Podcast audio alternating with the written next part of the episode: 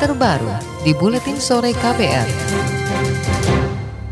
Saudara perang dagang antara Amerika Serikat dan Tiongkok mulai dirasakan pelaku industri di tanah air. Salah satunya Asosiasi Perstektilan Indonesia API. Itu disebabkan karena membanjirnya barang tekstil dari Tiongkok ke dalam negeri. Ketua API Ade Sudrajat mengatakan kondisi ini terjadi karena Tiongkok harus menjual kelebihan barang produksinya yang tidak bisa masuk ke Amerika. Justru yang bermasalah ini bagaimana menguatkan bahwa kita pun harus mengikuti uh, jejak-jejak proteksionisme kalau enggak kita bisa kebanjiran produk-produk yang yang dumping. Kita baru mau uh, berbicara dengan berbagai uh, pemegang keputusan dalam minggu-minggu ini langkah-langkah yang apa yang diambil di industri TPT. Ketua Umum Asosiasi Perstektilan Indonesia API Ade Sudrajat mengatakan perang dagang Amerika Serikat versus Tiongkok sangat mempengaruhi pasar global. Perang dagang terjadi seiring menaikkan tarif impor Amerika terhadap semua produk Tiongkok menjadi 25 persen. Komoditi seperti besi baja, barang elektronik, garmen, dan produk hilir plastik diperkirakan akan merasakan dampak terbesar. Kementerian Keuangan memperkirakan perang dagang antara Amerika Serikat dan Tiongkok akan berlangsung lama. Menteri Keuangan Indonesia Sri Mulyani menyebut saat ini dampak perang dagang itu sudah terlihat. Salah satunya dengan melambatnya perekonomian di Tiongkok untuk saat ini. Sri Mulyani menyebut perang dagang ini juga akan mempengaruhi stabilitas ekonomi di negara lain. Sebetulnya yang harus kita waspadai adalah signal-signal bahwa situasi ini tidak akan reda dalam jangka pendek. Karena pola konfrontasinya itu sangat head to head. Ya untuk dua negara besar ini untuk yang disebut face saving atau coba untuk secara diplomatis tone down itu menjadi jauh lebih sulit dan artinya ketegangan ini akan mewarnai panjang.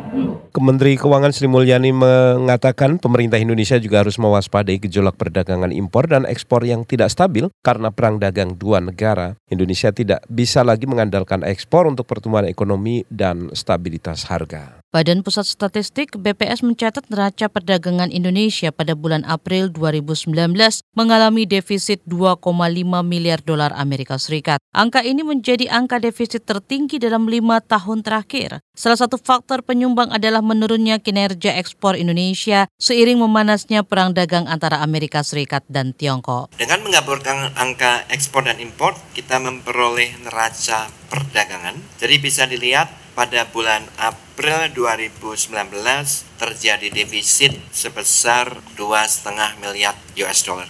Defisit 2,5 miliar itu berasal dari defisit migas 1,49 miliar dan juga defisit non migas sebesar 1,01 miliar US dollar. Kepala Badan Pusat Statistik BPS Suharyanto menuturkan nilai ekspor April 2019 menurun hampir 11 persen dibandingkan bulan sebelumnya. Sementara nilai impor April lalu naik 12 persen dibandingkan bulan sebelumnya. BPS mencatat perkembangan harga bulan Maret hingga April 2019 berpengaruh pada neraca perdagangan tahun ini. Perekonomian yang cenderung melambat, fluktuasi komoditas dan politik global menjadi sejumlah faktor yang mendorong penurunan ekspor. Pengamat ekonomi Yanwar Rizki menyebut Indonesia harus fokus memperkuat sektor perdagangan di dalam negeri agar bisa bertahan di tengah memanasnya perang dagang antara Amerika Serikat dan Tiongkok. Menurut Yanwar, perang dagang dua negara itu akan sangat mempengaruhi nilai tukar rupiah karena importasi dari negara berkembang menjadi berkurang.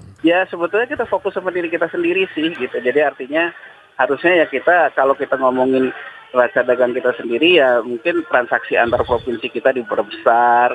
Uh, kemudian juga kita mencoba memperbesar kepemilikan surat utang negara kita ke, ke domestik sehingga tekanan di pasar keuangan akibat uh, gonjang ganjing dari fund manager asing dikurangi gitu sehingga nilai tukar kita bisa lebih Eh, lebih dikendalikan lewat operasi moneter uh, Bank Indonesia. Pengamat ekonomi Yanwar Rizky mengatakan isu perang dagang antara Amerika Serikat dan eh, Tiongkok adalah isu lama dari dua negara, namun isu itu diciptakan oleh dibuat oleh dua negara itu untuk menghadirkan pendapatan dari sektor pasar keuangan. Perang dagang Amerika Serikat dan Tiongkok dimulai pada 2018 lalu. Saat itu Presiden Amerika Serikat Donald Trump mengumumkan niat menaikkan tarif untuk barang-barang Tiongkok. Menurut Trump, itu adalah respon terhadap praktik keuangan Tiongkok yang tidak adil selama bertahun-tahun, termasuk pencurian kekayaan intelektual Amerika. Sebagai balasan, Tiongkok menerapkan tarif khusus yang lebih tinggi untuk lebih dari 120-an produk ke Amerika, terutama kedelai yang merupakan komoditas ekspor utama Amerika ke Tiongkok. Sejenak saudara kita berolahraga bersama Sindu Darmawan. KPR Sport. Pebalap Yamaha Valentino Rossi yakin ia bisa bangkit dan kembali tampil bagus di seri MotoGP Prancis akhir pekan ini. Rossi yang mengalami tiga seri awal dengan hasil cukup bagus tidak bisa bersaing ketika balapan memasuki seri keempat di MotoGP Spanyol. Pada musim lalu, Rossi finish di posisi ketiga di belakang Marc Marquez dan Danilo Petrucci. The Doctor berharap setidaknya ia bisa mengulangi pencapaian musim lalu. Balapan MotoGP Prancis akan berlangsung pada minggu mendatang. KPR Sport. Pelatih Ayak Amsterdam Erik ten Hag menepis kemungkinan bakal melatih Barcelona dan Chelsea. Itu lantaran ia mengaku bahagia di timnya saat ini. Setelah mampu membawa Ajax melejit musim ini, Ten Hag merupakan salah satu pelatih yang masuk bidikan klub-klub besar Eropa. Barcelona disebut sebagai klub yang serius untuk mendatangkan Ten Hag.